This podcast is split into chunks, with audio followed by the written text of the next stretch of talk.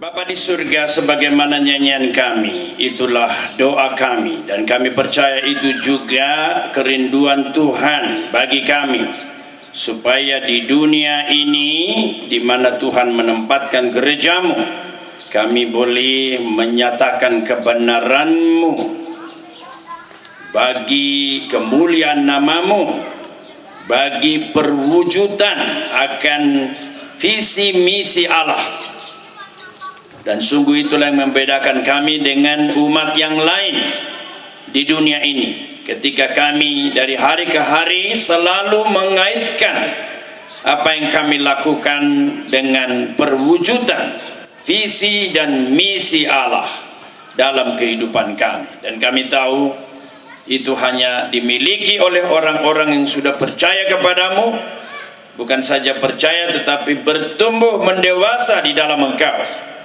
sehingga hidupnya bukan lagi bagi diri sendiri tetapi hidup di dalam Kristus dan hidup bagi Kristus. Sebagaimana hambamu Paulus sang setiawan mengatakan bahwa hidupku yang kuhidupi sekarang dalam daging adalah hidup oleh iman hidup oleh anak Allah.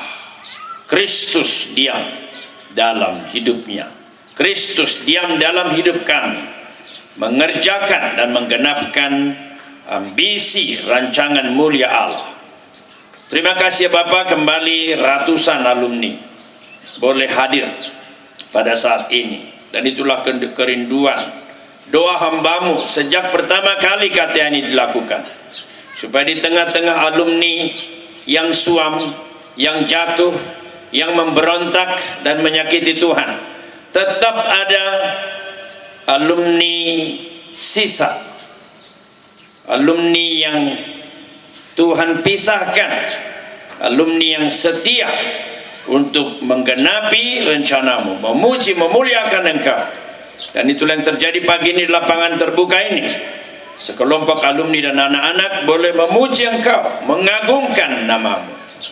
Dan kami sangat yakin itu juga salah satu yang Tuhan rindukan Bahkan Tuhan perintahkan sebangsa bangsa Israel keluar dari Mesir, pergi ke padang gurun supaya menyembah Engkau, beribadah kepadamu. Di mana ketika di Mesir mereka ditindas dan tidak diberi kesempatan. Tuhan biarlah terus Engkau menikmati puji-pujian dan sembah sujud kami. Biarlah kehadiran kami ratusan alumni dan anak-anaknya, keluarga juga yang hadir di sini Ke mana pun kami bergerak, kami menjadi sekelompok umat yang Tuhan perhatikan dari tahtamu, yang memuliakan engkau dengan doa kami, dengan percakapan kami. Sehingga benarlah kami dibedakan dari kelompok lain yang tidak peduli dengan Tuhan. Kami akan membuka firman-Mu ya Tuhan karena kami mau menyesuaikan kembali hidup kami dengan firman Tuhan, khususnya keluarga. Terangi hati dan pikiran kami Bapak yang baik.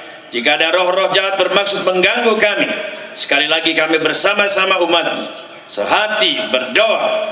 Dan di dalam dan demi nama Yesus mengusir segala roh-roh jahat meninggalkan tempat kami beribadah. Bahkan meninggalkan seluruh kompleks daripada kinasi ini. Dan kami semua termasuk anak-anak kami terpelihara sempurna karena malaikat-malaikatmu bersama dengan kami kami akan membuka firman-Mu Bapa, bukalah hati dan pikiran kami dalam nama Yesus. Amin. Puji Tuhan. Selamat pagi semua. Ya, sungguh bersyukur kita kembali ya alumni dan keluarganya boleh bersama-sama berada di sini. Sungguh sukacita yang luar biasa ya. Boleh saling melihat ke kiri dan ke kanan. Inilah kita ya. Bersyukurlah dalam hati ya. Ada ada juga orang tua ya. Ya tahun lalu juga ada orang tua. Jadi jangan sungkan-sungkan membawa orang tua ya. Mari kita tepuk tangan bagi orang tua kita. Jangan sungkan-sungkan. Karena apa kita ini ada karena orang tua kita ada betul nggak? Jadi jangan malu sama orang tuamu. Iya. Dulu salah satu pesan saya sama istriku yang tersayang adalah apa? Kalau kau sayang sama aku sayang juga sama mamaku karena aku tidak ada tanpa mamaku. Gitu dia. seperti menggurui, tapi sebenarnya bukan menggurui. Supaya dia ingat saja, kalau dia mengagumi bangsa Gala, tidak ada bangsa Gala tanpa mamanya bangsa Gala. Sebagaimanapun jeleknya mamak saya itu misalnya, cerewet terus dari pagi sampai malam kayak radio rusak. Ya. Jadi saya mengajari istri saya dengan doanya Bonhoeffer itu. Masih ingat doa Bonhoeffer ya? Tuhan ajarlah saya untuk merubah hal-hal yang bisa kurubah. Ya, beri saya kekuatan. Tapi ajarlah saya, beri saya kekuatan menerima hal-hal yang tidak bisa kurubah. Dan yang ketiga, beri saya kemampuan membedakan keduanya. Yang mana masih bisa dirubah, yang mana tidak bisa dirubah. Apalagi dalam keluarga, jangan frustrasi merubah, padahal nggak bisa dirubah lagi. Oh iya di awalnya saya kasih tahu nih salah satu yang istri saya frustrasi gara-gara saya ngorok. Dia ters, dia tersiksa. Saya tahu tersiksanya dia di dalam kasih.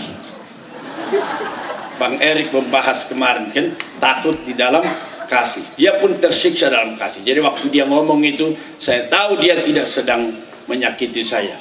Tapi saya pun membalasnya, "Ma, aku nggak sadar Waktu aku ngorok itu, aku pas nggak sadar. Jadi ketidaksadaranku itu menyusahkanmu. Ya berdualah kau. Mungkin dua Bonhoeffer itu. Oh Lord, give me ability to accept the things I cannot change. Mungkin ngorok nggak bisa di change lagi. Iya, mungkin masih ada yang bisa dirubah. Ya, give me ability to change the things I can change. Tetapi give me serenity wisdom to differentiate both. Mana yang bisa dirubah dan rubah perlahan-lahan dan yang tidak bisa dirubah terima. Nah puji Tuhan. Kayaknya istri saya dikuatkan Tuhan. Dan akhirnya saya tidak berhenti mengorok sampai sekarang. Dan dia menikmatinya. Sampai akhirnya dia pun sudah mengorok sekarang. Tapi serius nih ini aku dan keluarga nih ketika dia mengorok dan saya terbangun karena kaget ya saya bangun saja saya senyum. Ya. setelah itu tidur lagi dia. Kira-kira berapa minggu kemudian ketika dia ngorok lagi dan dia terbangun dia sadar eh papa bangun ya? Papa terganggu ya karena ngorok dia? Aku bilang enggak memang aku udah bangun aja. Ini pengakuan yang jujur saya belajar bagaimana mengasihi istri makin tua makin sayang. Saya nggak tahu istri saya di sini apa tidak ya. Ya, ya. ada di belakang. Ya biasanya tempatnya di belakang. Nggak mau di depan. Jadi aku dan keluarga jangan pernah frustrasi dengan keluarga. Jangan ya. Mari kita katakan kalimat ini. Satu dua ya. Jangan pernah frustrasi dengan keluarga Ya, saya sering soalnya ceramah di hadapan keluarga. Kalau dia udah frustrasi, saya bilang gini, udah gini aja. Katakan begini, Tuhan, bawalah suamiku kembali kepadaku. Gak bisa lagi Pak Pendeta. Oke, kalau gitu yang kedua. Tuhan, bawalah suamiku kembali kepadamu. Gak pernah stres kan? Betul nggak? Sama juga dengan suami. Tuhan, bawalah istriku kembali kepada atau aku kembali kepada dia. Kalau tidak bisa lagi, Tuhan, bawalah aku kembali kepada. Dan mujarab doa itu. Mujarab. Ada satu istri di Batam. Dia bilang, Pak, nggak bisa saya berdoa seperti itu. Terlalu kejam. Oke, kalau gitu yang kedua. Tuhan, bawalah aku kembali kepadamu. Wah, Even worse katanya. Itu malah lebih jelek. I will not pray like that katanya. Okay then? So you continue to pray, God, let me to enjoy their partnership. I believe that you master the whole things. And you also master my, my husband. Singkat cerita, suaminya itu akhirnya dapat penyakit berat. Akhirnya dia pulang dari Batam ke Singapura dan istri keduanya pun meninggalkan dia. Biasalah kan? Istri muda kan ada uang, abang di sayang. Istri tua nggak ada uang, ada uang selalu sayang kan gitu. Setelah pulang dia cerita sama saya, Pak Pendeta, istri oh, suami saya sudah balik. Nah, saya kan bingung apa yang mau didoa. Jadi ini mau cerita apa ini? Lalu sudah masuk rumah sakit. Lalu saya pikir dia mau berdoa yang pertama itu. Puji Tuhan sudah dibawa ke padamu. Ya saya kan mesti hati-hati kan. Konseling ini hati-hati nih. Siap kadang-kadang yang ngomong yang konseling sama kita ngomongnya A sekarang besok bisa B. Belum tentu jujur mereka. Jadi mesti hati-hati. Jangan kita musuhi istri yang sharing apa nggak suka sama suaminya. Begitu kita nggak suka, jangan gitu dong Pak. Dia gitu dia. Ah, bisa begitu dia. Jadi hati-hati itu. Nah, singkat cerita, ternyata dia bilang apa? Pak, doakan Pak supaya suami saya sembuh. Coba. Supaya suami saya sembuh. Gimana? Saya saya mau ikut apa? Supaya saya apa membesuk mendoakan? Gak usah Pak, ini masih secret. Gak ada orang yang tahu ini. Tapi tolong doakan saya. Singkat cerita, suami kemudian sembuh, kemudian balik kepada keluarganya. Baik-baik lagi.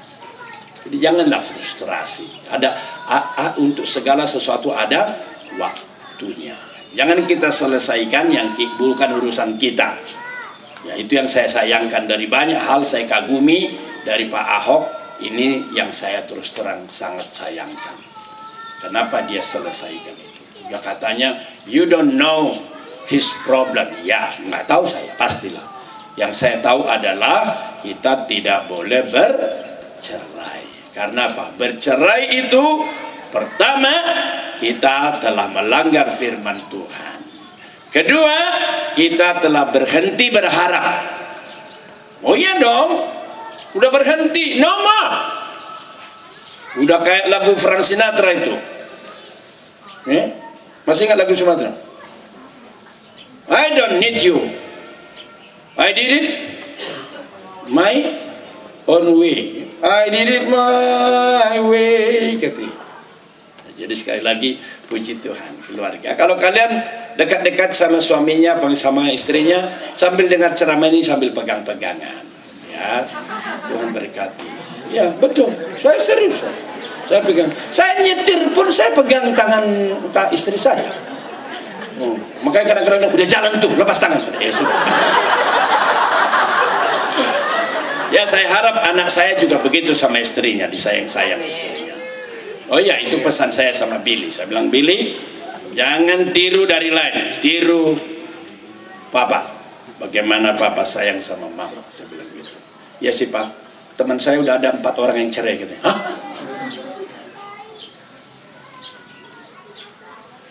Nah itulah saya bilang. Ya, jadi jangan sampai ya, jangan pernah berpikir. Saya lihat mereka saling mengasihi, ya, saling sayang menyayang. Ya, padahal mantu saya Jawa bisa. Apalagi kalau Batak sama Batak nanti harus makin bisa dong. Ini sinyal-sinyal semua ini. harus lebih bisa. Puji Tuhan. Aku dan keluargaku, Nuh. Waduh banyak yang kita pelajari dari Nuh. Terus terang aja. Teman-teman saya mau katakan selalu belajar kepada Nuh. Yang pertama dan terutama mau kita katakan adalah apa? Bahwa seperti doa mainku tadi ini. Dia berkata, Nuh telah dipakai Allah menjadi perpanjangan keluarganya bagi seluruh dunia. Jikalau tidak ada keluarga Nuh, kita pun tidak ada. Makasih, kita Mari kita baca sekarang kejadian pasal 6. Luar biasa ini. Jadi kita akan lompat ke sana kemari melihat banyaknya berkat dari Nuh ini. Mari kita baca ayat 9 sampai dengan ayatnya yang ke-22 berganti-gantian. Inilah riwayat Nuh. Nuh adalah seorang yang benar dan tidak bercela di antara orang-orang sejamannya. Dan Nuh itu hidup bergaul dengan Allah.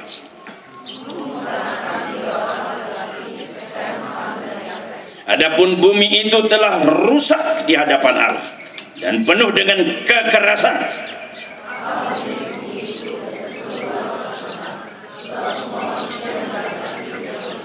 Jadi ini cara the best dalam hal negatif ini cara kita. Sungguh rusak benar. Nanti di atasnya itu Allah melihat semua ciptaan. Sungguh sangat baik. Jadi ekstrim-ekstrim ini. Ayat 13 berfirmanlah Allah kepada Nuh, aku telah memutuskan untuk mengakhiri hidup segala makhluk sebab bumi telah penuh dengan kekerasan oleh mereka jadi aku akan memusnahkan mereka bersama-sama dengan bumi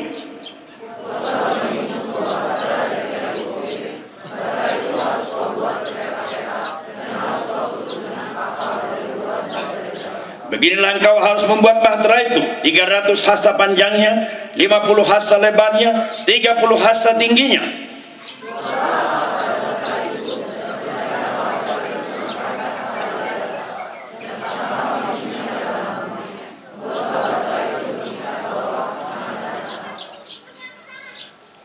Sebab sesungguhnya, betul ya?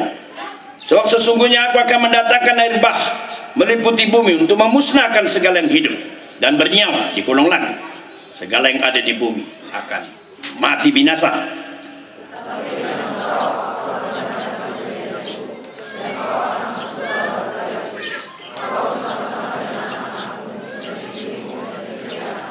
Dan dari segala yang hidup, dari segala makhluk, dari semuanya haruslah engkau bawa satu pasang ke dalam bahtera itu.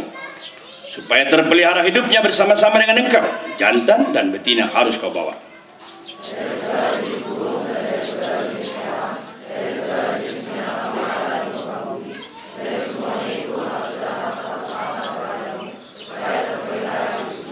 Dan engkau bawalah bagimu segala apa yang dapat dimakan. Kumpulkanlah itu padamu untuk menjadi makanan bagimu dan bagi mereka.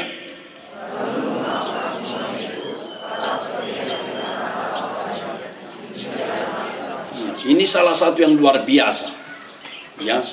Ayat yang ke-22 ini. Dan lalu Nuh melakukan semuanya itu tepat seperti yang diperintahkan Allah kepadanya. Demikianlah dia melakukannya. Tepat jadi bukan sekadar melakukan 50 persen, 60 persen, 80 persen, bukan. Tepat. Dan ini pergumulan kita yang sudah taat kepada Tuhan, terus kejar bagaimana mencapai target Tuhan sampai tepat 100 persen begitu. Jangan langsung berkata puji Tuhan, saya tidak berdosa. Puji Tuhan, saya sudah bisa melayani. Tidak. Maju terus, tidak berdosa, sudah melayani. Melayani buahnya berapa? Karena di dalam Alkitab pada dikatakan buah yang beda-beda. Ada. Ada 30, Mas, itu angkanya benar gak sih? 30 sampai kepada ada yang 100 kali lipat itu. Jadi kita harus beda. Kejar terus. The best for God, the best of us begitu.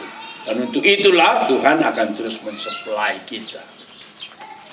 Nuh ini memang luar biasa. Makanya termasuk dia menjadi daftar pahlawan iman. Coba kita lihat Ibrani 11. Nanti kita kasih batas ini. Ibrani pasal 11 kita baca.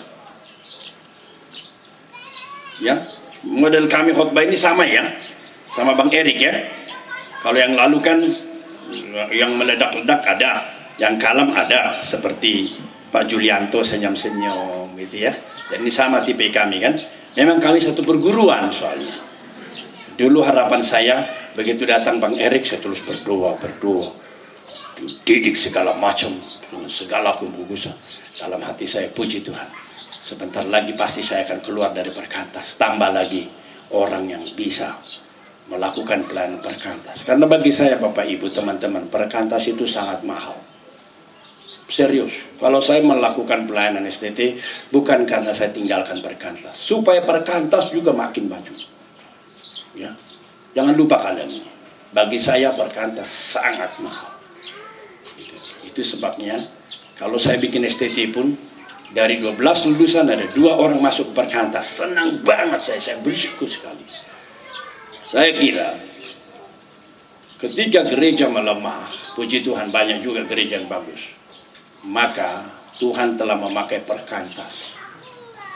Lihat gereja-gereja yang dipulihkan, dibangunkan. Di sana ada orang perkantas. Itu sebabnya Tuhan meyakinkan saya.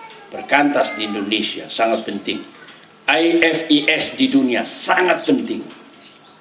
Ketika saya 2015 ikut IFES di seluruh dunia, saya teriak dalam hati, Tuhan, puji Tuhan, perkantas jauh lebih dahsyat dari seluruh student movement di seluruh dunia. Mungkin saingannya hanya Amerika dalam hal jumlah besar. tapi mungkin dalam hal konservatifnya tetap perkantas Indonesia lebih konservatif dari yang di sana. Dan itu saya doakan terus. Makanya teman-teman kalau ada orang staff atau pengkhotbah agak miring-miring khotbah di perkantas jangan heran kalau saya langsung melotot. Karena saya yang belajar teologi sudah melihat bahaya berteologi mulai miring-miring. Pergumulan kita bukan hanya evangelical but how to become more evangelical pegangannya makin kuat kepada firman Tuhan. Itu yang kita butuh. Bukan masih pegang tapi sudah mulai perlahan-lahan dilepas. Itu yang kita mau Ibrani pasal 11 coba kita lihat ini. Luar biasa nih Ibrani 11 ini. Ibrani 11 ayat 7 ya suaranya kami suara sama sekali lagi. Jadi karena kami satu perguruan sama Bang Erik. Jadi waktu Bang Erik dulu pergi meninggalkan saya marah. Waktu waktu perpisahan juga saya nggak ikhlas tapi puji Tuhan saya diundangnya ke gerejanya. Dan gerejanya berkembang besar. Saya jadi ikhlas sedikit. Memang Tuhan punya maksud. Gitu ya. Kita baca itu satu dua ya. Karena iman maka Nuh dengan petunjuk Allah tentang sesuatu yang belum kelihatan dengan taat mempersiapkan bahtera untuk menyelamatkan keluarganya. Dan karena iman itu ia menghukum dunia dan dia ditentukan untuk menerima kebenaran sesuai dengan imannya. Dan rekan-rekanku yang terkasih, kalau kita bicara soal ketaatan Nuh, jangan dianggap ini ketaatan yang biasa. Ya. Kemarin itu Bang Erik pakai istilah apa ya? Super berani ya. Super berani ya. Yang hamba yang super berani ya Bang Erik ya. Ini juga bisa kurasa ini super taat. Very distinguished in his obedience to God. Karena apa? Coba. Ilmu kebudayaan mengatakan apa? Manusia adalah produk lingkungannya. Nah lingkungan Nuh itu rupanya bagaimana? Coba kita lihat lingkungan Nuh. Ayat di atas kita naik sedikit. Ayat 5. Ketika dilihat Tuhan bahwa kejahatan manusia besar di bumi, bahwa segala kecenderungan hatinya telah membuahkan kejahatan semata-mata. Coba itu kecenderungan hatinya telah membuahkan kejahatan semata-mata hanya berdosa saja jadi kalau di kampung dulu ada orang Batak kalau marah eh orang dosa di butuh hapu bereng katanya. Ini, hanya dosa hanya itu tidak ada yang lain. Nah ini udah begini nih ya. Kejahatan semata-mata. Maka menyesallah Tuhan bahwa ia telah menjadikan manusia di bumi. Hal itu memilukan hatinya menyakiti hati Tuhan. Makanya sebaliknya kalau kita mengadakan pelayanan, alumni mengadakan pelayanan, para alumni mengadakan pelayanan, entah tiga orang, entah lima orang, ada pujian kepada Tuhan. Ingat, itu seperti kembali membalut hati Allah yang terluka. Saya dalam setiap kali pelayanan, pergi ke desa-desa, kakak di desa-desa, saya teriak. Kadang-kadang sampai rasa saya ini udah gak kuat lagi Tuhan. Tapi saya terhibur dengan apa? Tuhan, Indonesia ini luas tetapi begitu banyak orang yang tidak kenal Tuhan. Desa-desa perdukunan sebagaimana tadi katakan oleh April di sini.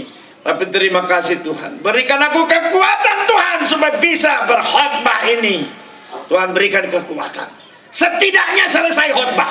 Kalau begitu selesai khotbah berakhir terpuji namamu. Tuhan beri kekuatan lagi. Begitu saya. Karena apa saya tahu. Waktu pujian diberikan. Waktu satu orang menepuk dada menyesal dan dia berkata Tuhan aku minta ampun aku bertobat itu pasti menyukakan hati Allah. Dan ini kan memilukan hati Allah. Biarlah berteologi selalu kita pusatnya kepada Allah. Bagus itu, ajarilah manusia, bikinlah agama supaya manusia hidup tertib, hidup berdisiplin, hidup produktif, tetapi tetap antropomis manusia menjadi pusatnya, tapi tidak kita tidak mau begitu. Saya diwawancara di Amerika dikatakan, kenapa mesti pergi ke mana-mana untuk memberitakan Injil? Di sini toh sudah advance karena saya berkata, saya ingin melihat Amerika negara dikuasa meninggikan nama Allah sekalipun mungkin saya seperti satu tetes air di samudra lepas, tapi setidaknya ada pelayanan menghapus segala di Amerika ini memuliakan Allah. Ketika di satu di rumahnya Heru dan Melina alumni alumni Trisakti itu waktu dia di uh, San Francisco itu dia mengadakan kebaktian banyak sekali penuh rumahnya itu saya berpikir puji Tuhan puji Tuhan lalu kemudian Melina bilang Puji Tuhan bang. Ada beberapa orang di sini nggak peduli kepada kekristenan loh. Tetapi karena pertemanan jadi tertarik datang. Tapi dia katanya sangat edor dengan firman Tuhan yang abang bawakan. Oh puji Tuhan. Saya akan pergi lagi teman-temanku, saudaraku ke Amerika. Kami akan berangkat 26 sesudah hari ulang tahun pernikahan kami 25 26 kami akan ke, Amerika. Dimulai hari ini ah, kali ini dimulai dari Vancouver. Puji Tuhan di Vancouver juga ada yang mengharapkan. Dari setelah Vancouver baru turun ke Seattle dan seterusnya berakhir di Texas pulang 21 Agustus. Saya butuh doa kalian. Pasti bukan karena enak jalan-jalan. Pertama kali karena enak jalan-jalan. Kedua sudah lebih terasa capeknya karena puluhan jam di udara kaki kaki kelipat begitu. Dan sering kali setelah turun, wah segala macam penyakit muncul. Tapi saya bersyukur saja menghibur diri. Saya berkata Tuhan, masih hidup bisa melayani. Puji Tuhan meskipun sakit. Tuhan tolong saya melangkah berjalan. Makanya ketika uh, tim uh, Jimmy dan Ilse, mana Bang Jimmy dan Ilse? Mana kalian? Ya, Jim dan Ilse menghadirkan istri saya, saya pikir puji Tuhan. Ya. Waktu tiket dikirim istri saya langsung bilang, "Ah, lu lihat tiket belum? Tiket apa?" Coba lihat deh, ini. Lalu saya lihat, loh, nggak salah itu. Maksudnya salah apa? Aku juga ikut tuh tiketnya tuh. Ya udah, ya puji Tuhan aja. Mungkin mereka kasihan lihat saya sendiri orang tua ke sana kemari berjalan. Ya, Ya apalagi Amerika kan tiga waktunya kan kalau dari timur ke, ke tengah ke sana tiga waktu itu kan. Kadang-kadang orang saya jalan tuh puyeng saya sendiri saya pegang begitu. Dan berapa kali saya salah bandara dan saya lari-lari karena besar-besar begitu kan ya. Nah kamu diikutkan Pak? Oh benar, jadi saya ikut kali ini juga. Iya ikut. Ya puji Tuhan lah. Kita doakan supaya tim di Amerika, Jimmy dan kawan-kawan diberkati Tuhan saya bilang. Karena memang saya berkata, salah satu yang buat saya bisa kuat memberitakan Injil adalah kalau kamu di sebelah saya. Inspirasi. Setelah Tuhan Yesus, inspirasi terbesar adalah kamu. Oh iya, betul, tepuk tangan itu. itu saya doakan dari dulu, makin cinta sama istri. You must fall in love many times, but with must be with the same person. Kan itu kan kalimat saya, kan masih ingat kan? Ya dong, saya ngomong mesti saya doa juga. Iya. Makanya kadang-kadang dia sebel sama saya. Terlalu sayang sama dia mungkin begitu. Udahlah. Tidur, tidur, tidur sekarang katanya. Di tengah-tengah kondisi yang rusak berat seperti ini. Muncul keluarga yang bagus. Oh luar biasa. Orang berkata, kalau lingkungannya rusak, pastilah rusak. Kalau lingkungannya bagus, pastilah bagus. Saya ulangi kalau lingkungannya rusak, pasti rusak. Masukkan anakmu ke sekolah rusak, rusak pasti. Masuk anakmu ke sekolah bagus, baguslah dia. Jangan pernah berharap anakmu bisa baik kalau kau masukkan ke sekolah jelek. Kan begitu pada umumnya pikiran kita. Nggak salah sih itu. Itu sebabnya saya berkata kepada orang tua, jangan terutama hanya pertimbangkan fasilitas dan lain sebagainya. Lihat lingkungannya. Apakah lingkungannya yang masih menghargai nilai-nilai. Jangan akhirnya gaya hidup borjuis di sana. Nanti gaya anakmu berubah aneh, berkelahi terus denganmu, konflik denganmu. Kenapa bisa konflik? Karena dia punya nilai baru. Maka dia pikir papa mamanya nggak benar. Di sekolahku begitu tuh, teman-temanku begitu kok. Sebentar-sebentar ganti gadget, kenapa saya tidak? Misalnya begitu. Nah tapi puji Tuhan ketika kita berkata manusia produk lingkungannya, kalau lingkungannya rusak pasti rusak, maka keluarga Nuh melawan itu. Betul nggak? Karena kita baca tadi, inilah riwayat Nuh. Nuh adalah seorang yang coba lihat itu. Tiga istilah digunakan untuk Nuh. Seorang yang benar di lingkungan yang tidak benar. Di atas tadi dikatakan kecenderungan hatinya berbuat dosa semata-mata. Itu memilukan hati Tuhan. Tetapi Nuh benar di tengah-tengah tidak benar. Yang kedua apa? Tidak bercela di tengah-tengah lingkungan yang banyak sekali dosanya termasuk homoseks dan lesbian sudah dipraktekkan di situ betul lalu yang ketiga apa orang yang bergaul dengan Allah. Tiga hal ini digambarkan. Dan sekali lagi ini super benar ini. Ini super tidak bercela ini. Ini super hidup bergaul ini. Kalau Ibrani 11 berkata, Nuh beriman, ini super beriman ini. Karena apa? Lingkungannya sama sekali tidak mendukung, bahkan menggerogoti negatif. Begitu. Puji Tuhan.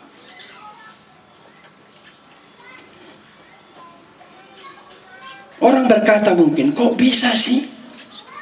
Kalau kita mau serius mengatakan, iya ya, lingkungan kita juga hidup kurang lebih, bahkan mungkin even worse, lebih jelek lagi dari zaman Nuh.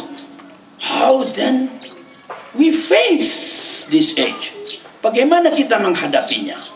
Maka ini yang kita lihat di sini. Kok bisa sih? Oh bisa saja. Alkitab berkata, karena dia bergaul dengan Allah. Dengan perkataan lain apa? Meskipun lingkungannya negatif, Nuh menciptakan lingkungannya sendiri, yaitu berfellowship dengan Allah, akrab dengan Allah, bergaul dengan Allah. Kita tidak tahu berapa lama dia bergaul, Berapa lama dia bersaat teduh, berapa lama dia bermeditasi. Puji Tuhan kami makin usia tidak terlalu muda lagi nih. Saya merasa saya dan istri saya makin menikmati saat-saat devosionalnya. Makin bisa betah. Karena memang makin tua, emang kecenderungannya itu ya diam tenang kan. Duduk kan. Ya toh, muda cirinya apa? Lincah ke sana kemari Makin tua, duduk, diam, tenang. Kurang ini. Makanya kurasa, ku bilang sama istri, kita jarang kelahi ya, jarang marah-marahannya. Ya, energi marahnya udah habis. Jadi udah simple simple aja kita. Nah, sudahlah, daripada ribut lagi, mendingan ya kalau lagi nggak suka diam sebentar, sebentar lagi balik pegangan tangan lagi. Begitu. Nah kita makin menikmati. Saya perhatikan dia Doa bisa lama. Saya perhatikan dia baca Alkitab bisa lama. Wah, memang makin nikmat itu. Dan saya pikir mestinya itu terjadi bukan hanya karena makin tua. Tetapi bahkan ketika muda. Itu berarti apa? Kita membentuk lingkungan baru. Itulah yang kita lihat di sini. The power of the fellowship with God. Who can calculate Siapa yang bisa menghitung itu? Apa dampaknya kalau seseorang bergaul dengan Tuhan? Kita tidak bisa menghitung itu, nggak bisa. Kalau saya kita perhatikan lebih jelas, Nuh ini siapa ini? Kalau kita lihat Ibrani 11 tadi katakan, Nuh orang yang percaya penuh pada Tuhan. Karena iman, nah itu ditonjolkan. Doa saya kiranya semua yang hadir di sini, alumni muda, alumni madya, alumni senior, orang tua, anak-anak, Tuhan karuniakan iman yang benar kepada Yahweh. Amin. Ini doa saya. Ya, ini saya pakai tangan supaya memberkati ini. Saya selalu sadar, saya punya peluru kendali yang dahsyat yang banyak manusia tidak punya, yaitu apa? Kami sebagai pendeta diberikan privilege sebagai saluran menyalurkan berkat Tuhan. Betul Bang Erik? Biar jelek kita, biar muda kita, biar miskin kita, biar apa kita, tapi dalam hal ini jangan kita lupa. Allah menyalurkan berkatnya melalui kita. Setiap kali tumpang tangan saya di gereja, saya berkata Tuhan, saya siap menjadi penyalur. Mereka butuh berkatmu. Berkati mereka. Kau tahu suami istri yang rusak, kau tahu orang tua anak yang rusak, berkati mereka semua. Hidup beriman itu penting. Dan itu sangat menonjol ketika apa saja perintahnya dilakukan. Coba misalnya kita lihat. 6.22 6.22 Ketika disuruh membangun bahtera Begini-begini ukurannya Begini, begini, begini, begini Maka 22 kita baca Satu, dua yang Lalu Nuh melakukan semuanya itu Tepat Seperti yang diperintahkan Allah Ini yang saya katakan tadi Mari kita saling mendoakan. Doakan juga saya. supaya kita tidak hanya melakukan firman Tuhan, tetapi melakukan dengan presisi. Dari puluhan do nyanyian yang saya cipta, salah satu yang saya suka yang mungkin nanti ketika ketemu di surga kalau Tuhan katakan nyanyi dulu sama saya satu lagu saya nyanyikan. Tuhan Yesus ku sadar ku lemah. Tuhan Yesus ku sadar ku amat hina Tuhan Yesus siapakah diri hamba hingga kau rela mati itulah doa saya itulah nyanyian saya dan karena saya mengaku seorang berdosa, oh Tuhan ampunilah dosaku, buang segala kesombonganku. Ini terus saya berkata, Tuhan buat saya makin rendah hati, makin jauh dari kesombongan. Itu saya sangat sombong, saya sudah masukkan dalam lagu. Jadi kalau orang berkata, sombong amat sih lo. Iya, udah ngaku saya dalam nyanyian. Gak usah pertegas lagi. Itu hanya bikin aku sedih itu. Puji Tuhan ketika saya melayani kemarin itu di di Palembang alumni kumpul dia berkata abang beda banget deh. Bedanya apa? Makin tua ya? Enggak sih kelihatan segar aja itu loh gak kayak dulu. Eh, kayak apa? Pokoknya makin bagus dah. Ya. oh begitu ya puji Tuhan. Waktu kemarin saya ke Medan juga di GKPS alumni kumpul abang beda ya beda apa aduh Beda deh. Wah, saya bilang memang maunya begitu. Beda yang positif ya. Jadi kalau dulu cepat-cepat lama dak langsung marah meledak. Coba sekarang makin tenang, makin tenang. Ya, ya. begitu. Dulu dia salah. Kenapa salah? Tidak layak WL seperti ini. Tapi sekarang mulai berpikir, mungkin karena pengalamannya. Ada orang katanya ketika saya WL, dia terjatuh dari tempat tidur ketika dia WL di tempat saya. Kenapa dia stres? Padahal dia sudah persiapan tiga bulan latihan terus. Tapi dia sampai jatuh. Lalu sekarang makin saya sadarin. Dia sudah melakukan yang terbaik. Dan itulah terbaiknya. You must appreciate. Nah ilmu itu dulu saya nggak punya, jujur aja.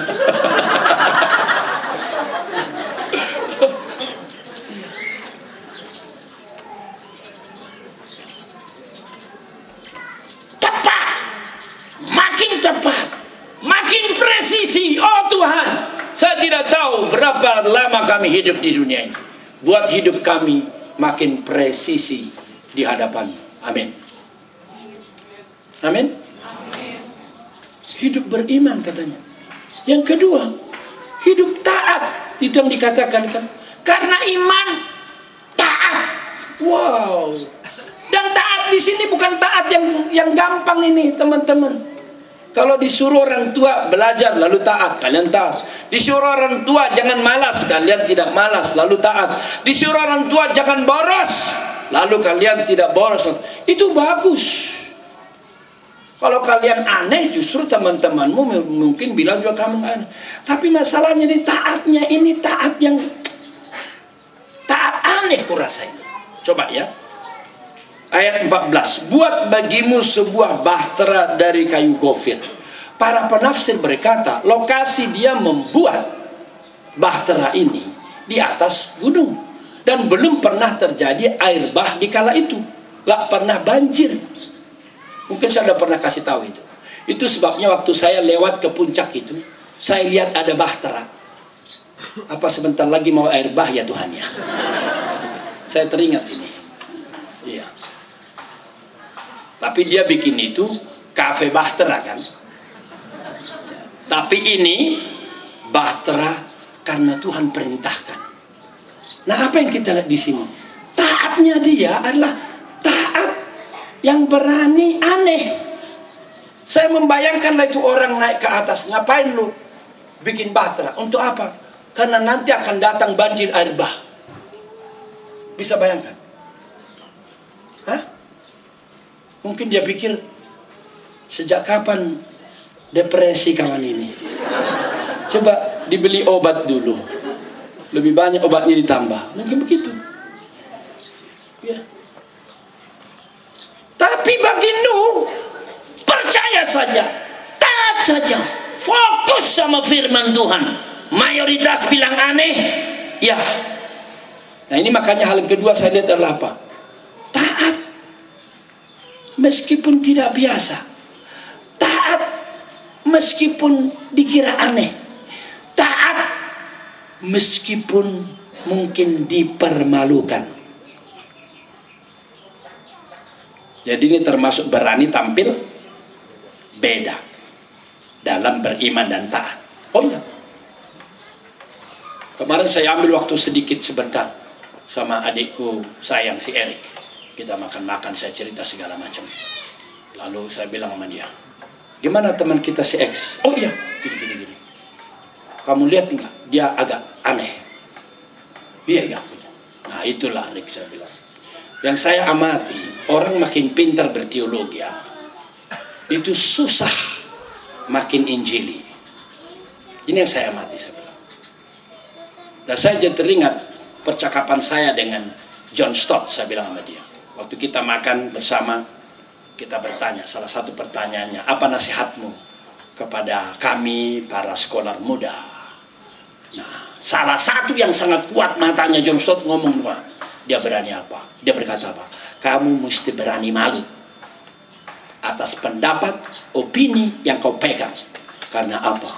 Kamu akan melihat banyak pendapat konservatif akan ditertawakan ke depan Itulah nasihatnya John Stott. Itu sebabnya kalau orang mentertawakan saya, dokter hau-hau kau, percuma kau dokter kau, makin kau dokter, makin fundamentalis kau. Semua ayat-ayat kau baca itu kau terima firman Tuhan itu. Begitu mereka mentertawakan. Dan saya tidak pusing. Saya berani mengatakan I believe strongly in the Bible as the word of God. I believe fully in the miracle of God. The miracle still happen today. I believe in the Virgin Mary. I believe in the resurrection. Saya berkata, teriak-teriakan. Dan tolong diperhatikan, makin banyak orang yang belajar teologi nggak percaya. Saya bilang sama Bang Erik, kamu ingat percakapan saya ketika menanggapi pandangan dia. Dia berkata, sola scriptura itu aneh. Lalu saya berkata, sebenarnya saya sedang menegur dia, saya bilang, masih banyak topik lain kawan. Kenapa sola scriptura langsung kau tertawakan? Saya sedang mau mengatakan sama Bang Erik. Kalau terbuka kesempatan bagi dia. Karena Bang Erik ini pintar banget kan. I wish that he will go to pursue the PhD as soon as possible. Saya dari dulu. Pengkhotbah yang menggelegar sedikit dan dia salah satu dari yang sedikit. Tapi teolog yang tajam dan setia makin sulit kalian lihat. Makin sulit. Dan saya kira membangun teolog yang fondasi kuat ini sangat penting. Karena apa? Ini seperti membangun pabrik. Itu sebabnya saya sekarang selalu berkata Tuhan terima kasih untuk STT Trinity. Kirimkan orang yang sangat pintar. Saya akan mendidik orang itu mencintai Tuhan dan mencintai firman-Mu dan mencintai umat-Mu. Doakan supaya Bang Erik jangan kelamaan di kalam kudus. Karena apa? Eh bukan kalam kudus. Ya bagus juga saya salah ngomong ya. Ya. Ya. Kita butuh percaya taat berani tampil beda aneh malu. Begitu. Termasuk remaja sekarang juga. Orang ganti gadget kamu mesti ganti gadget. Orang main ini kamu mesti main ini. Padahal kamu tahu orang tuamu susah cari duit. Ma ma beli dong beli dong. Ini jujur ya kalian sama ada kecil ya. Ya permisi ya sama Risti ya. Sama anak-anak saya saya kasih tahu ya. Waktu mereka mau ganti yang punya kamera saya bilang nggak perlu. Buat apa? Kalau mau kamera ada kamera kita.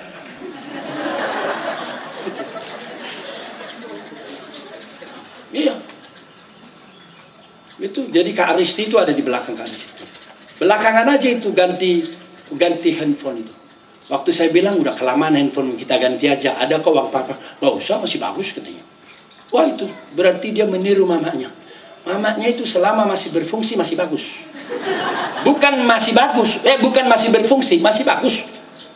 Salah satu handphonenya yang saya ganti adalah apa? Karena sudah dikaret-karetin. Masih ingat Pak? Dikaret-karetin. Jadi bilang tahun itu saya ambil itu, saya pergi, saya ganti sama dia. Itu. Masih bagus katanya. Wah, saya bersyukur punya istri. Memang udah ditakdirkan Allah istri pendeta.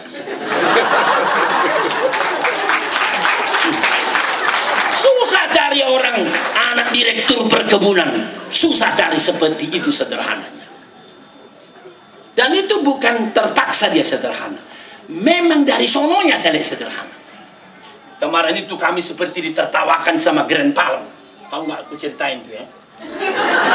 Jadi kita kan nginap di Grand Palm itu yang satu malam ngurusin uh, rukonya opung itu. Udah kita di Grand Palm. Saya pikir biar enak lah di hotel itu. Setelah itu dia mau pergi besokannya ngurusin ruko itu.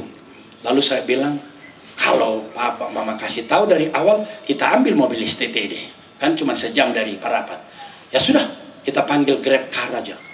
Tapi yang datang Gojek.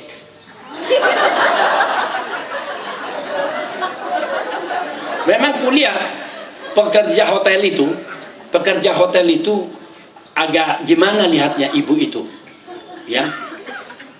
Terus supaya dia nggak kacau pikirannya, saya bilang, tadi Mbak nanya ya, uh, Grab bike atau Grab car? Iya saya tanya, karena nggak yakin Pak. Jadi memang Grab bike ya udah kami pesan Grab bike. Iya. Jadi bagus. Ibu-ibu ini Mbak macam-macam. Ngomong-ngomong Mbak jawab apa Batak? Batak. Santuri. Oh Santuri. Jadi itu oh, ibu-ibu ini macam-macam. Ada orang miskin belagak kaya. Ada orang kaya belagak miskin. Nah saya tidak tahu istri saya ini yang mana. Dan ku bilang terus terang aja, istri saya ini bukan hanya di sini dia itu nyariin Grab bike. Di Jakarta, udah kita kasih taksi, uang taksinya diambil, perginya naik Gojek. Salah satu pemandangan yang saya terpesona, melihat istri saya pakai blazer lengkap, tapi dia naik Gojek.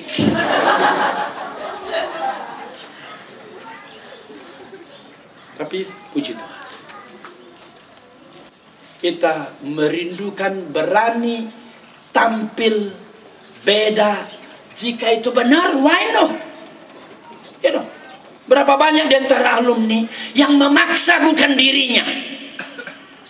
Karena nggak berani mau ikut-ikutan terus kalau kita udah bisa seperti Kak Erik bilang kemarin khotbah kan bukan Tuhan harus ikut saya saya harus ikut Tuhan puji Tuhan Tuhan saya udah ikut kau saya mau menjadi hambamu tidak mungkin saya mengikuti gaya hidup si Huatsi yang 10 tahun lebih muda dari saya. Sama-sama metalurgi. Saya insinyur, dia insinyur. Saya lebih dulu 10 tahun, dia belakang 10 tahun. Tapi yang kau memanggil saya, I will follow you whatever the consequence.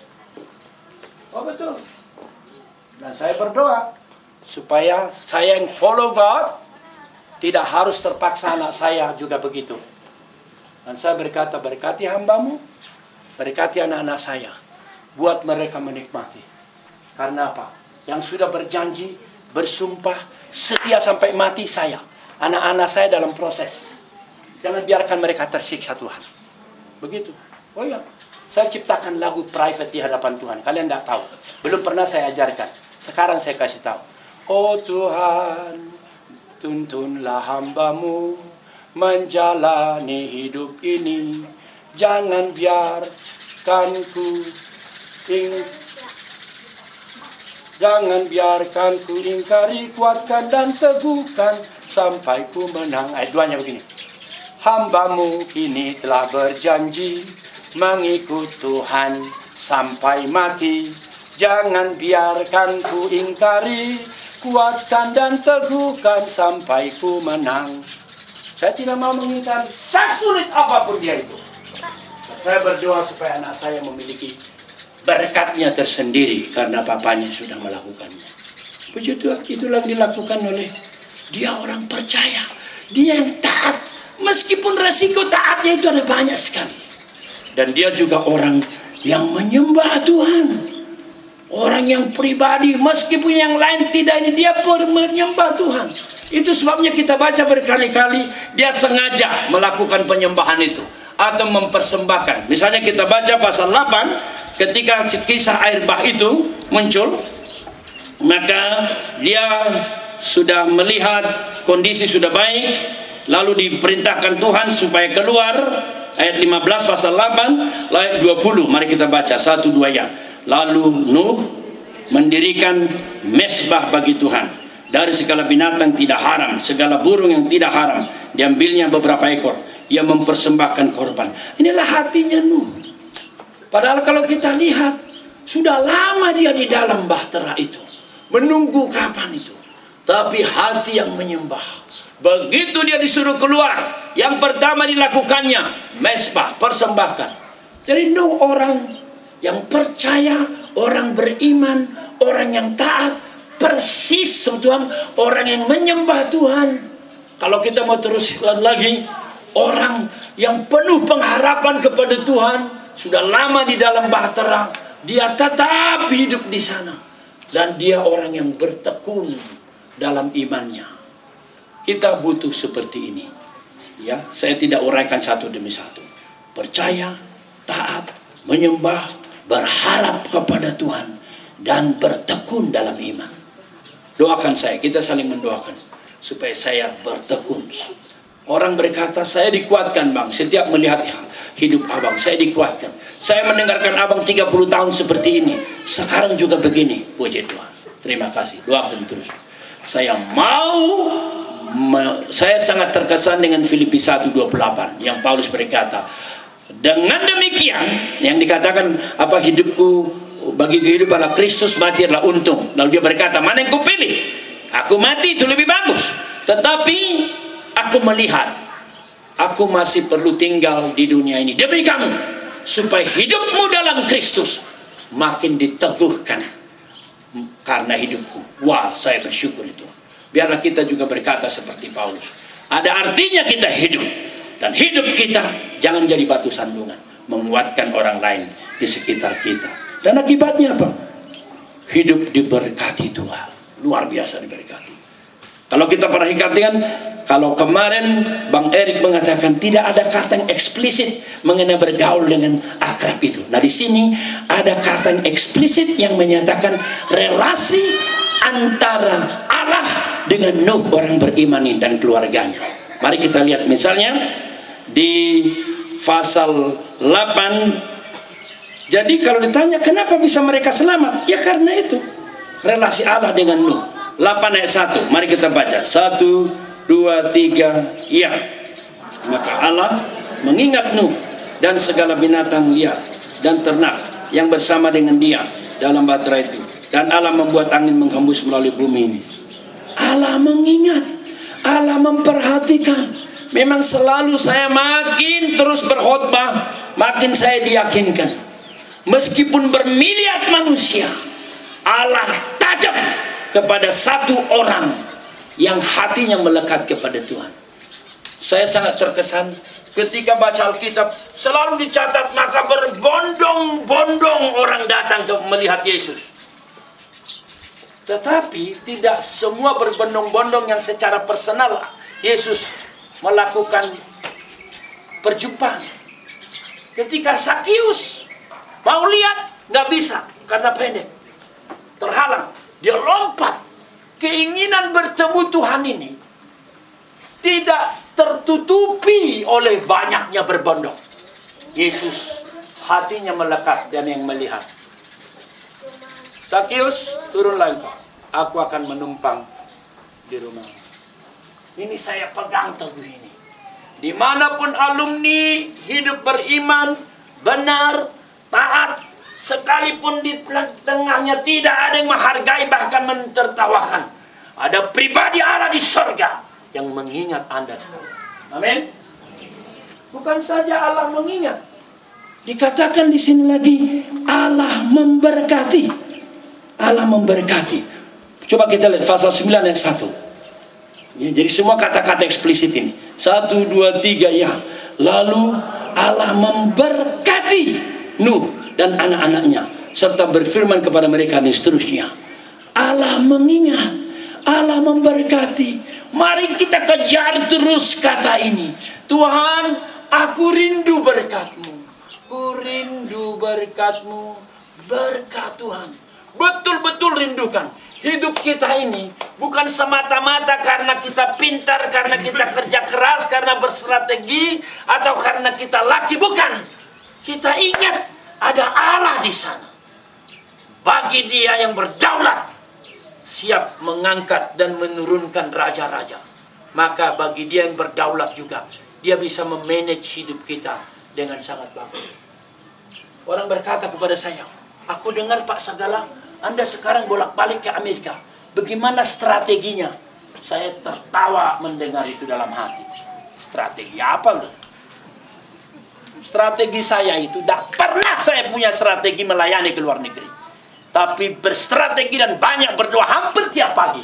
Berdoa untuk desa-desa. Satu demi satu kota itu saya sebut di hadapan Tuhan. Tapi di tengah-tengah itu Allah menggerakkan kelompok Jimmy dan kawan-kawan di Amerika. Mereka yang berkata, thanks Jimmy, ada orang di sana. Bang, kami rindu khotbah seperti ini didengar Amerika lagi. Kalau bisa tiga kali setahun abang ke Amerika. Tiga kali setahun. Gak bisa. Kalau kalian serius sekali setahun cukup. Tuhan bisa bekerja mengerjakan mujizatnya sekali setahun. Saya belajar dari seminar Pak Stephen Tong. Sekali setahun dulu tiap tahun tiap tahun. Ternyata banyak perubahan. Kalau Allah memang memberkati, maka batu-batu yang ditanam itu itu menjadi batu peringatan. Tiap tahun ada batu peringatan. KTA diadakan. Saya berkata, Tuhan, lakukan apa yang baik untuk alumni Jakarta dan alumni regional. Saya yakin semua yang hadir di sini tidak kebetulan. Kalian pasti diberkati. Inilah kita. Allah memberkati. Bukan hanya Allah memberkati, Allah berjanji. Ini yang kita lihat di sini. Tadi sudah kita baca di pasal 6 perjanjian Allah. Diulang lagi pada pasal 9 ayatnya yang ke-8. Berfirmanlah pasal 9 ayat 8. Berfirmanlah Allah kepada Nuh dan kepada anaknya yang bersama-sama dengan dia. Sesungguhnya aku mengadakan perjanjianku. Ini di pengulangan di pasal 6 yang kita baca tadi.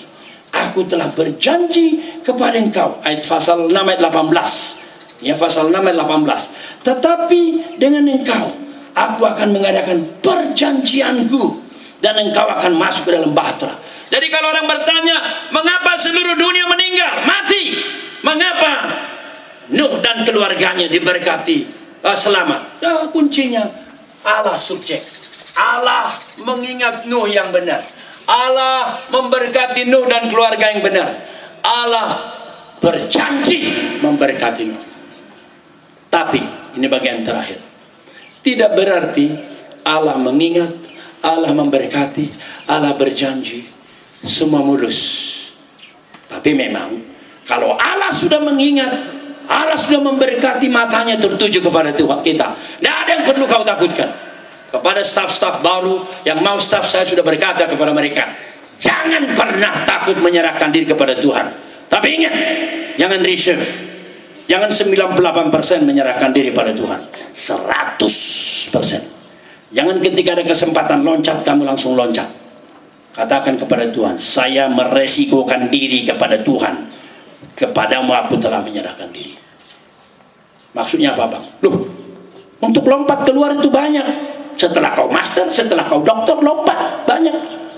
Di perkantas ini, sedikit orang yang tetap di perkantas setelah master dan dokter. Tetap setia di perkantas ketika belum bergelar. Mungkin kalimat ini tidak enak. Tetapi yang sudah bergelar jarang diperkantas. Langsung Tuhan memanggil yang lain. Sehingga saya seakan-akan berkata, kalau begitu Tuhan memanggil orang setia di perkantas, kalau nggak ada gelarnya gitu. Ah, belum tentu. Sorry ya. Kau pindah ke gereja nggak ada gereja yang menerima kamu. Kamu belum ada gelarnya kok. Kesetiaanmu baru teruji ketika kamu sudah sudah master kamu, sudah dokter kamu. Ada nggak? Godaan banyak banget. Tapi ketika kau menyerahkan diri kepada Tuhan, godaan, resiko uang, resiko kenikmatan, resiko penderitaan, singkirkan Tuhan. Katakan Tuhan, kau Yehova Jireh, Kau ya Allah yang menyediakan. Beres. Dan puji Tuhan teman-temanku yang terkasih generasi muda. Saya tidak sedang berkata serahkan diri menjadi staf. Tidak. Yang saya mau katakan, serahkan diri kepada Tuhanmu, maka Tuhanmu akan ambil alih semua. Saya tadi melayani. Saya melihat anak saya Stefan di sini. Puji Tuhan. Saya lihat anak saya Abdi di sana. Dia kejar dari Pekanbaru, dari Dumai datang ke sini. Puji Tuhan. Billy anak saya mau datang, tapi dia bilang nggak bisa pak. Karena kondisi Tasya sudah hamil begini agak berat. Oh nggak apa-apa. Uh, Philip pergi ke Lombok. Ya, ada tugas dari kantornya. Risti ada di sini. Puji Tuhan. Saya berkata kepada Tuhan, kalau sudah kubawa anakku kepadamu, siapa yang kau memberkati? Tapi seakan-akan Tuhan berkata, ya, tidak ada orang yang siap ku berkati, rindu ku berkati, merindukan berkatku, tidak ku berkati, tidak ada. Tetapi ada juga anak Nuh yang tidak diberkati. Mari kita lihat ending gamenya. Ini yang menyedihkannya. Pasal 9 ayat 18 20, 20 23 kita baca. Anak-anak Nuh yang keluar dari bahtera ialah Sem, Ham dan Yafet. Ham adalah bapak Kanaan. Ham bapak Kanaan. Yang tiga inilah anak-anak Nuh. Dan dari mereka inilah tersebar penuh seluruh bumi. Nuh menjadi petani. Nah, itu si, si Abne ini. Dialah yang mula-mula membuat kebun anggur. Setelah ia minum anggur, mabuklah ia dan telanjang dalam kemahnya. Maka Ham, bapak kanan itu, melihat aurat awak ayahnya. Lalu diceritakannya kepada kedua saudaranya di luar. Sesudah itu, Shem dan Yafet mengambil sehelai kain dan membentangkannya pada bahu mereka berdua. Lalu mereka berjalan mundur. Mereka menutupi aurat ayahnya sambil berpaling muka sehingga mereka tidak melihat aurat ayahnya. Setelah Nuh sadar dari mabuknya dan mendengar apa yang dilakukan anak bungsunya kepadanya, berkatalah ia, mari kita baca. Sangat tidak enak, tapi mari kita baca. Satu ya. Terkutuklah Kanaan. Hendaklah yang menjadi hamba yang paling hina bagi saudara-saudaranya. Lagi katanya, terpujilah Tuhan Allah Sem, tetapi hendaklah Kanaan menjadi budak baginya. 27. Allah meluaskan kiranya tempat kediaman Yafet. Tetapi hendaklah ia tinggal dalam kemah-kemah Sem, tetapi hendaklah Kanaan menjadi hamba baginya. Wah, tidak mulus. Jadi memang keluarga nggak ada yang mulus. Ah, ini nggak mulus. Kita melihat Sem dan Yafet ada berkat. Ayat 26. Katanya, terpujilah Tuhan Allah Sem. Tetapi, hendaklah Kanaan. Maksudnya si Ham ya. Tadi kita baca di atas ayat 22. Maka Ham, bapak Kanaan. Ya. Kalau atau di atas juga 18. Ham adalah bapak Kanaan. Tetapi dikatakan Kanaan itu menjadi budak baginya. Itu Sem. Lalu bagaimana Yafet? Ayat 27. Allah meluaskan keranya tempat kediaman Yafet. Berkat lagi. Dan hendaklah tinggal dalam kemah-kemah. Sem. Tetapi hendaklah Kanaan menjadi budak baginya. Mengapa dari orang tua yang sama, yang beriman, yang percaya, yang taat, yang menyembah, yang berharap, yang bertekun ini keluar dua, dua macam anak. Bagi kalian yang masih anak, ingat baik-baik. Kita orang tua tidak akan pernah memberikan racun kepada kalian. Semua kita kasih yang baik. Tetapi memang Allah tidak pernah menciptakan robot. Tidak pernah. Kalau lihat tadi Ham itu, ketika ayahnya telanjang di dalam kelemahannya, maka Ham membiarkannya. Dalam satu penafsiran dikatakan sebenarnya bukan hanya mencertawa, mentertawa, menceritakan, bergosip, tapi juga humiliating, mentertawakan ayahnya, memperhatikan kelemahan ayahnya, mempelototi ayahnya. Sebaliknya dengan Sem dan Yafet. Dikatakan di sini, mereka melihat kelemahan, tidak mau melihat kelemahan. Tidak mau mempelototi kelemahan. Ini bapakku yang goblok. Ini mamaku yang goblok. Tidak. Juga tidak menggosipkan bapak-bapaknya yang goblok. Dia tidak mentertawakan. Mereka tidak mau melihat. Bisa kita peragakan. Dia ambil itu, kain itu, di bahu mereka berdua. Bisa bermeditasi, berimajinasi. Jadi kalau papanya di sana telanjang, dia tidak lihat. Papa, enggak. Dia tidak melihat. Betapapun jelek papanya di hadapannya, dia tidak melihat. Tapi dia ingin menutupinya. Maka mereka mundur saja. Kira-kira begitu ya, benar ya? Kainnya itu dua. Setelah sampai kepada bapaknya, ditutupkan. Hebat sekali.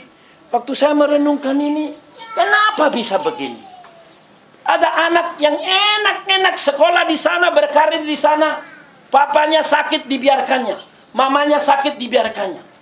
Tapi ada anak seperti Donda. Dari kedutaan Amerika dia secara sadar dia berhenti. Karena apa? Dikatakan, biar aku pulang ke Tanjung Pinang. Tanjung Pinang ya Kak Donda ya? Karena Donda dekat sama saya, dekat sama saya. Saya tahu pergumulan dia.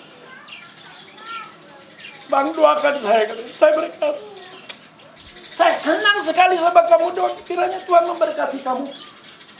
Ya, jangan the best. Kesuksesan itu beda cara pandang.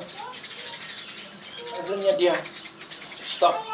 Dia rawat papanya sampai meninggal dunia. Saya mengerti tadi waktu Abni. Pasti cerita papanya. Dia tadi nangis. Perhatikan tadi. Sebelum sesudahnya dia lancar saja. Ini kepekaan kepada orang tua ini perlu ini. Tapi kenapa udah orang seperti Ham? Coba, kita orang tua ini, kenapa? Sedih banget kan? Ketika kita dalam kelemahan, entah karena apa kita bisa lemah.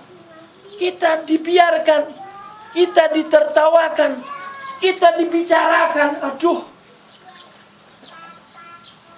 inilah upahnya saya membesarkan kamu. Ketika kamu nggak mengerti hidup, kamu tidak bisa melangkah. Ketika kamu dicebok-cebok, sekarang kamu sudah hebat. Lalu kemampuan hebatmu kau bikin untuk melemahkan kita. Saya merenungkan ini Tuhan. I wish that all children like Jacob and Sam. Amin. Kita mau itu. keluarga yang beribadah kepada Tuhan tidak selamanya mulus. Tetapi jangan biarkan setan masuk. Jangan biarkan. Biarkanlah Tuhan terus mengerjakan hal-hal yang mulia dalam hidup kita. Saya betul. Kenapa bisa begitu? Maka saya pikir memang Allah tidak menciptakan robot. Sejauh mana kesungguhanmu terhadap nasihat firman Tuhan dan orang tuamu. Sesungguh, sejauh mana keterbukaan hatimu mendengar papa ngomong apa, mama ngomong apa. Sejauh mana kerinduan, ketulusan, ketekunanmu untuk berjuang. Dan itulah sebenarnya nasihat firman Tuhan. Amsal beruntun bicara hal nasihat itu. Coba kita tutup dengan bagian ini. Amsal 2 dan Amsal 3. Amsal 2 dan Amsal 3. Jadi kita berdoa supaya dari orang tua yang beriman muncul anak-anak yang beriman yang memuliakan Tuhannya. Mari kita baca Amsal 2 dulu. Satu dua ya. Hai anakku, jikalau engkau menerima perkataanku dan menyimpan perintahku dalam hatimu, sehingga telingamu memperhatikan hikmat, dan engkau menden, mencenderungkan hatimu kepada kepandaian. Ya, jikalau engkau berseru kepada pengertian dan menunjukkan suaramu kepada kepandaian. Jikalau engkau mencarinya seperti mencari perak dan mengejarnya seperti mengejar harta terpendam, maka lihat ini. Jadi maka ini semua berkat. Tapi di depannya ada kondisi menerima perkataanku, memperhatikannya, berseru, mencari, mengejar. Atau lihat sekarang pasal 3. pasal 3 satu yang hai anakku janganlah engkau melupakan ajaran dan biarlah hatimu memelihara perintahku. Karena panjang umur dan lanjut usia serta sejahtera akan ditambahkannya kepadamu. Janganlah kiranya kasih dan setia meninggalkan engkau. Kalungkanlah itu pada lehermu. Tulislah itu pada loh hatimu. Maka dan seterusnya. Jadi ada kondisi. Nah saya kira Nuh sama Bapak Ham Sem Yafet tapi kenapa muncul Ham kenapa muncul Sem dan Yafet jawabnya tergantung keterbukaan hati kita doa saya keluarga kita semua diberkati Tuhan. Mari kita berdoa. Mari kita berdoa untuk anak-anak kita, berdoa untuk orang tua kita, berdoa untuk keluarga kita. Supaya di milenium ketiga ini, seperti tadi dikatakan Fanny WL, kita sebagai keluarga mendapat mujizat Allah. Allah mengingat kita, Allah memberkati kita, dan perjanjiannya terus dilimpahkan kepada kita. Dan iman kita tertuju kepadanya. Kita menjadi keluarga yang menyembah Tuhan tidak meng mengabaikan family altar altar family hidup taat sekalipun kelihatan aneh sekalipun kita mungkin malu tetap berharap kepada Tuhan bukan kepada manusia dan bertekun dalam iman yang demikian. Ending gamenya pastilah menjadi buah yang manis. Mari kita yakinkan diri kita. Di dalam milenium ketiga ini, kita pasti bisa. Di dalam anugerah dan berkat Tuhan. Kita menjadi keluarga-keluarga Nuh yang baru. Sebagai anak, Mari berdoa, berseru kepada Tuhan. Supaya dijauhkan semangat ham. Tetapi dikaruniakan semangat Sem dan Yafet. Dan diberkati Tuhan. Saya undang Bang Peter ke depan berdoa. Menyerahkan keluarga kita. Alumni senior, alumni junior, mania. Supaya terus mengalami berkat Tuhan yang berkelimpahan. Bapak sungguh kami bersyukur karena firman Tuhan terus berbicara, mengingatkan, meneguhkan, menguatkan. Khususnya kami sebagai pribadi dan sebagai keluarga. Kami sadar bahaya untuk melupakan Tuhan. Bahkan bahaya untuk tidak menghargai keluarga. Terus ada di sekeliling kami dan lingkungan kami, bahkan teman-teman kami, bahkan kenikmatan-kenikmatan yang ada di sekeliling kami, bisa membuat kami lupa akan satu institusi yang Tuhan ciptakan yang paling bermanfaat dan paling mulia, paling besar, yaitu keluarga. Nah kami bersyukur sekali lagi Tuhan mengingatkan lewat hambamu, Bapak mengampun segala mengingatkan tentang satu keluarga yang dipakai Tuhan sangat luar biasa. Kami pun ingin dan rindu ya Allah supaya keluarga kami boleh menjadi keluarga yang mencintai Tuhan yang paling utama. Kami rindu supaya keluarga kami menjadi keluarga yang memuliakan Tuhan di dalam setiap hal yang kami lakukan. Karena ketika keluarga kami memuliakan Tuhan, maka setiap anggotanya, baik bapak, ibu, dan anak-anak. Bagai walaupun kami berbagai kapasitas dan posisi, boleh senantiasa melakukan apa yang baik di mata Tuhan, memuliakan Tuhan dalam hidup kami. Terima kasih, terima kasih ya Tuhan. Kami berdoa buat semua kami yang hadir di tempat ini, yang mendengar firman Tuhan, yang mendengar Tuhan meneguhkan hati kami, bahkan menegur kami di dalam kesalahan-kesalahan kami. Kami berdoa ya Tuhan, supaya firman Tuhan boleh terus bersuara di dalam hati kami, menguatkan kami, meneguhkan kami untuk menjadi orang yang mengutamakan Tuhan, baik secara pribadi maupun bersama-sama dengan keluarga kami. Dan keluarga kami boleh menjadi keluarga yang memuliakan Tuhan. Dan di mana pun kami berada ya Allah, keluarga ini boleh menyuarakan Tuhan. Dan orang-orang boleh melihat Kristus yang menjadi kepala keluarga di dalam di tengah-tengah keluarga kami. Terima kasih Tuhan Yesus untuk firman yang terus bersuara di dalam kehidupan kami. Kami terus berdoa supaya keluarga kami mengutamakan firman itu, membacanya, merenungkannya, memeditasinya, menikmatinya, dan melakukannya di dalam kehidupan kami. Terima kasih Tuhan Yesus. Kami menyerahkan setiap keluarga, baik keluarga yang masih muda, yang masih baru, keluarga yang sudah mulai um, dengan berbagai macam tantangannya, bahkan keluarga-keluarga yang sudah senior juga. Tuhan terus berkati dan tolong kami. Terima kasih Bapak di dalam surga. Di dalam nama Tuhan Yesus kami berdoa dan bersyukur.